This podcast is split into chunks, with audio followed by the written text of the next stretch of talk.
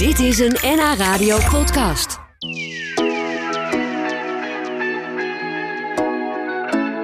Als je groot werd in de jaren 70 en 80, zoals ik, dan groeide je muzikaal op met Ad Visser, die jarenlang het muziekprogramma Top Op presenteerde. Maar Ad Visser die is nog veel meer dan Mr. Top Op. Hij is ook kunstenaar, schrijver, componist. Hij maakt zijn hele leven al zelf muziek. En eh, in de close-up documentaire Being Ad Visser krijgen we die onbekende kant van hem juist te zien. Ik ga er zo over praten met een van de makers van de documentaire. Die is bij ons te gast vandaag. En dat is Laurien Hugos. Welkom. Ben je zelf eigenlijk ook groot geworden met Ad Visser en het showballet van Penny Jager? Ja, zeker. Zeker, ja? ja. Ik ben echt van hetzelfde jaar ook als eh Top Op. Ik ben geboren in 1970. Ah. En eh, ik ben een grote muziekliefhebber. En dat is daar gewoon ontstaan, denk ik ook. Ja, Ja, ik denk bij heel veel mensen van, van Ja. onze generatie. Ja. Hè, dat je altijd Ja. klaar zat en eh, benieuwd wat er weer ging komen. ja. Ja. Het was het eerste echte muziekprogramma wat we hadden. ja absoluut. Ja. Ja. Ja, ja, Nou, straks eh, praten we verder over jouw documentaire. Want het bijzondere is wel dat daar helemaal niet over top op gaat. In die Nee, film. dat klopt. Nee. Dat klopt. Maar eerst ga ik even praten met het onderwerp van de film. En dat is Ad Visser zelf. Goedemiddag, Ad. Hi, goedemiddag. Hallo, hoe Hi, gaat het met jou? Hi, Ad. Uitstekend. Ad, hoe was dat voor jou? Dat er een, een documentaire over jou gemaakt werd. En dan niet over jou als Mr. Topop. Nou, dat vond ik al in ieder geval een voortreffelijk uitgangspunt. Want eh, ja, een, een mediapersonage is per definitie maar een deel van jezelf en een, een heel ander deel. Eh, en eh, toen zei eh, zij, want Laurien Hugas en Peer Wijlaars op mij afkwamen en zeiden: Wij willen een film over je maken. Toen zei ik ook: Weet je het zeker? Ja, ja, ja, dat weten wij zeker. Oké. Maar je mag je er helemaal niet mee bemoeien. Oh ja, nou, dat, dat is even wennen. Dat is bij mij. maar kijk, je moet um, een paar keer in je leven, dat is belangrijk, moet je ook dingen doen die je absoluut niet wil. Want Ja. dan kom- komt het weer op een andere plek uit. En eh, ik kan je zeggen dat dit op een hele goede plek is uitgekomen. Want ze hebben absoluut hier de kern geraakt van eh, de echte persoon. En niet van eh, de buitenste schil van de persoon. De media, het, Ja. het mediapersonage. Ja, die we nog kennen van vroeger en waarvan iedereen denkt: oh ja, dat is Mr. Topop. We kijken naar Ja, een heel andere advisser, of een ander deel van advisser, want dat was jij natuurlijk ook. Ehm, en in de film zien we onder andere hoe jij werkt aan een, eh, een soort muzikaal kunstproject. Medogeloos heet dat. Het gaat over drie bekende mannen uit de geschiedenis: de muzikant Serge Gainsbourg, de kunstenaar Salvador Dali en de meesterverleider Casanova. Kunnen we jou ook in dat rijtje zetten? Voel je dat zo? Nou, nee, dat voel ik helemaal niet zo. Oh. Behalve dat het alle drie eh, eigenwijze klootzakken zijn. En je zou kunnen zeggen, nou, dan ben ik de vierde. Dat klopt wel. nou, je bent toch niet zo klootzak, Ad? nou, jawel. Kijk, in de zin van, ik ben natuurlijk wel ongelooflijk eigenzinnig. Want eh, jij noemt het een, een kunstproject, waar, waarbij eh, mijn dank. Maar het is gewoon feitelijk een nieuwe cd. En het is wel in die zin een unicum, omdat het voor het eerst is dat in elke song, zijn drie songs, een heel leven van de persoon wordt gevat. En ook nog, dat is mijn ambitie, eh, de software van zijn karakter is gekraakt. Ja, Overigens ja. ga ik straks, bij Tijd voor Max, ga ik er zelfs iets uit zingen eh, om, om vijf Oh, uur. Maar dat wat even tof. terzijde. Nou, maar, maar Ad, Oh, dan, dan kunnen wij misschien een klein stukje laten horen Oh, uit leuk. de Ja. docu. Dan eh, doe je het niet live, maar dan eh, laten we een klein stukje horen even. Geen wet zal ons ooit nog temmen. Schat, het is maar dat je het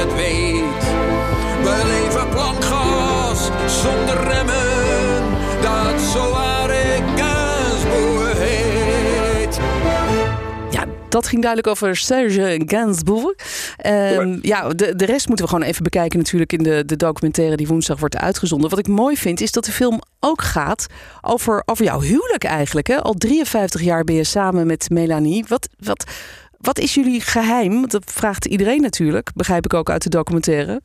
Ja, ik denk vooral dat het geheim geen geheim is. Want als het een geheim is, dan, dan is het iets verborgens, iets vreemds waar je, wat je moet koesteren of weghouden.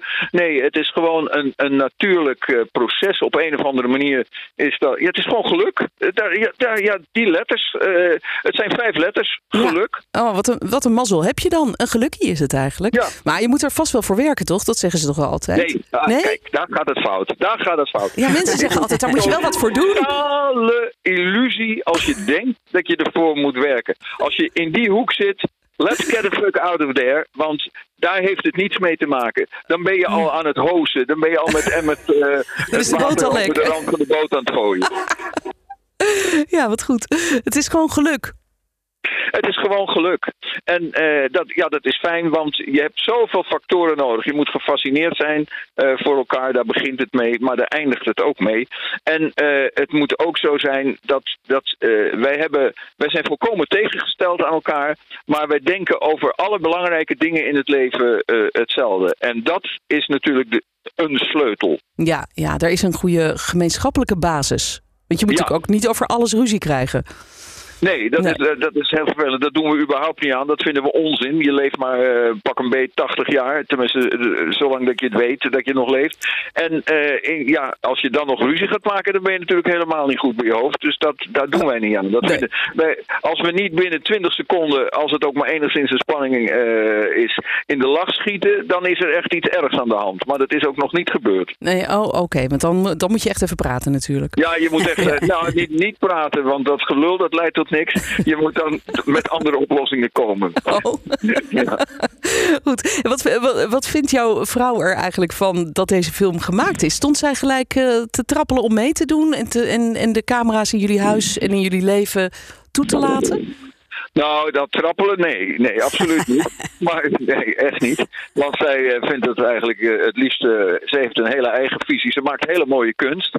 En, maar heeft ook een hele eigen visie wie dat überhaupt mag zien. En dat, ja, dat, komt, dat hangt dan wel eens in een heel spannend museum. Maar daar, daar houdt het dan ook ongeveer mee op. Oh ja. Zij houdt van het, van het leven zelf en ziet het leven ook als kunstvorm. En heeft daar niet het idee bij dat daar eh, onmiddellijk camera's bij moeten. Maar ook hier, eh, zij, was, zij is heel, eh, heeft een heel goed radar voor mensen, werkelijk perfect. En ze zei meteen na twee seconden, ja, eh, dit zijn goede mensen, die Ja. twee. Die, Ja. die kan je vertrouwen. En ja, prima, dat Ja, bleek ook zo. Fijn. En die film is nu klaar. Jullie hebben hem, begrijp ik, met de twee makers en jullie samen bekeken. Ad, hoe was Ja. dat? Nou, dat was, eh, was nogal een, eh, een avontuur natuurlijk, want ik wist gewoon helemaal niet waar ze mee bezig waren. Ja, af en toe riepen ze, ja, je moet nu even komen en ik heb een paar vragen voor je. Nou ja, ook prima. Maar eh, waar dat heen leidde, geen idee. En ja, toen ik het dus een pak een beet, misschien drieënhalve week geleden voor het eerst zag, toen zag ik, oh, het gaat voor een heel gedeelte over mijn project Meedogenloos. Nou, dat moet ik dan als een speer gaan uitbrengen, want anders dan, dan, dan denkt iedereen, ja, we hebben Waar- nu naar films nou? te kijken erover. Ja. Is het er nog? Ja. Nee, dat komt dan een maand later. Nee, dus het is per, de- per definitie meteen toegankelijk. Het Ja. is er nu al. Oh, wat goed hé. En volgende week eh, woensdag dan kunnen we de film op tv gaan zien. Daarna is hij natuurlijk nog terug te kijken op, eh, op NPO.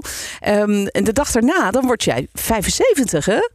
Ja. Dat, dat is eigenlijk ook wel een, eh, een bijzondere leeftijd. Eh, Ga je iets doen? Geef je een groot feest? Of eh, wat ga je doen op die dag? Nou, feesten heb ik al genoeg gedaan in mijn leven, dus dat hoeft niet. We gaan wel iets, eh, iets gezelligs natuurlijk doen in het kader van de familie. En de familie reikt inmiddels al tot achterkleinkinderen, dus Oh, het wordt steeds drukker. Zo. Maar heel gezellig. Ah. Eh, maar het, het zal niet worden hossen door het pand hoor, dat zit er niet in. Nee. Oké. nou, ik wens je in ieder geval vast een heel gezellige dag. En heel leuk dat je even bij ons in de uitzending was, Ad. Sure. We hebben het vandaag over de documentaire Being Ad Visser. Gemaakt door Peer Wijlaars en Laurien Hugas. En zij is vandaag bij mij in de studio. Laurien, ehm, we kennen Ad Visser natuurlijk als Mr. Topop. En jij Ja. vertelde net dat jij daar ook mee groot bent geworden. Ja. Toch komt dat aspect van hem helemaal niet terug in die documentaire. Het woord, het, het woord Topop valt niet eens. Geen terugblikken, niks. Waarom wilde jij juist die andere kant van hem laten zien? Ad Visser als kunstenaar, muzikant. Nou, wat wij opvallend vonden. eh, eh, ten eerste heeft Peer een paar jaar geleden al een keer tegen mij gezegd. Toen was Ad eh, te gast bij Pauw en Witman. Toen nog.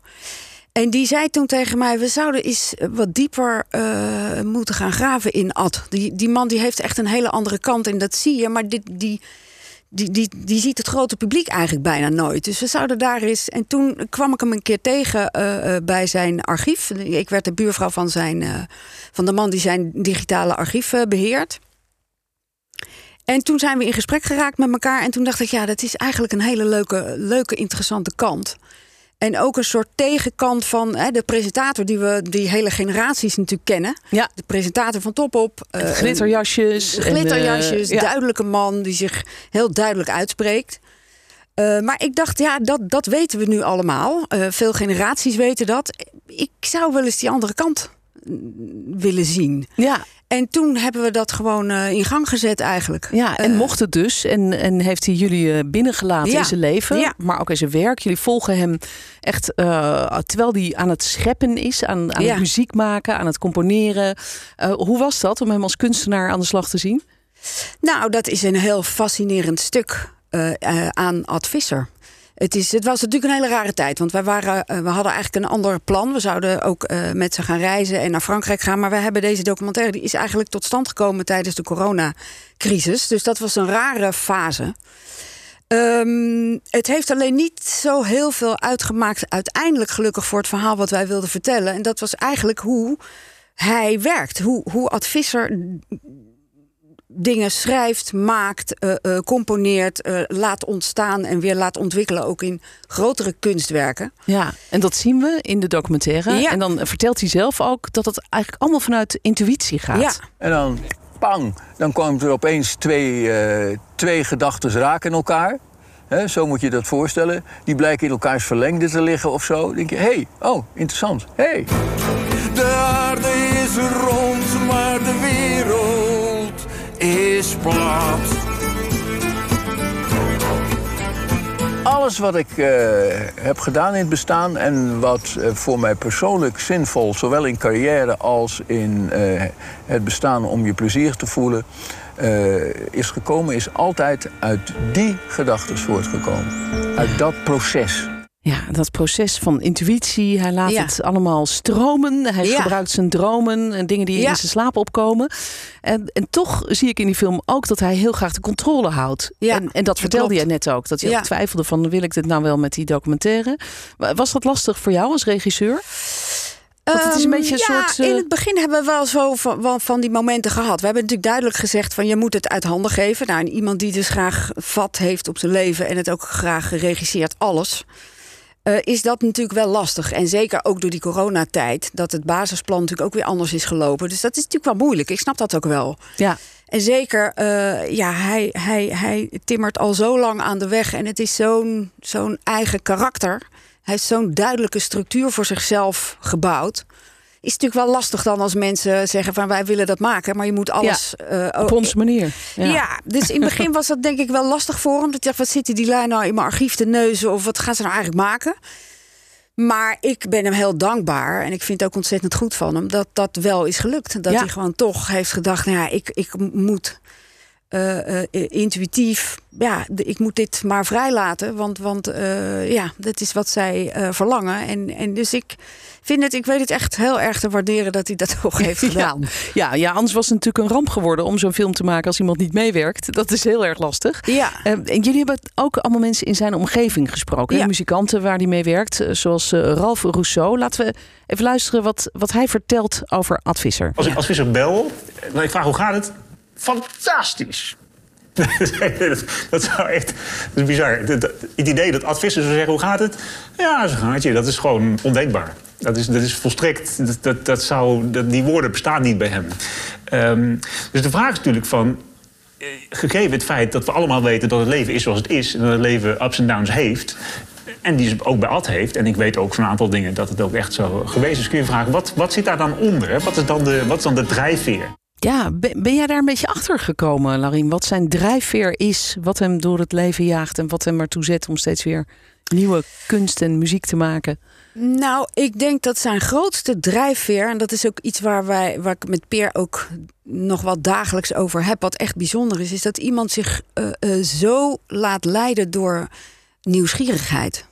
En ik denk dat dat ook maakt dat hij eigenlijk leeftijdsloos is en zichzelf ook blijft eh, heruitvinden bijna. Ja, en dat hij daarom misschien ook al wel al zo lang met eh, 53 jaar met zijn vrouw samen is. En Ja. toch elke keer weer Ja, eh, het, het nieuwe weet te, te vinden en eh, Ja. te waarderen. ja.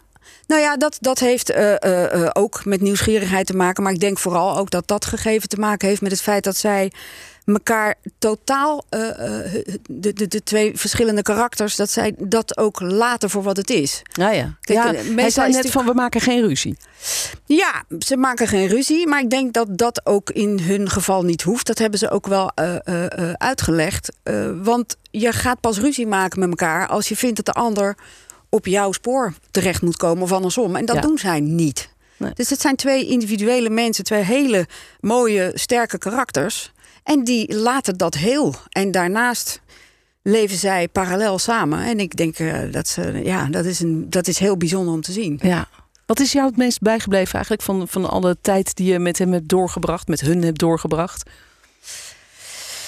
Um, nou, ik, het, het, het meeste eigenlijk uh, zijn nieuwsgierigheid en dat, het, dat hij inderdaad echt zo ontzettend veel vanuit zijn intuïtie leeft. Uh, dat is gewoon, ik, ik ken niemand die dat zo doet als hij.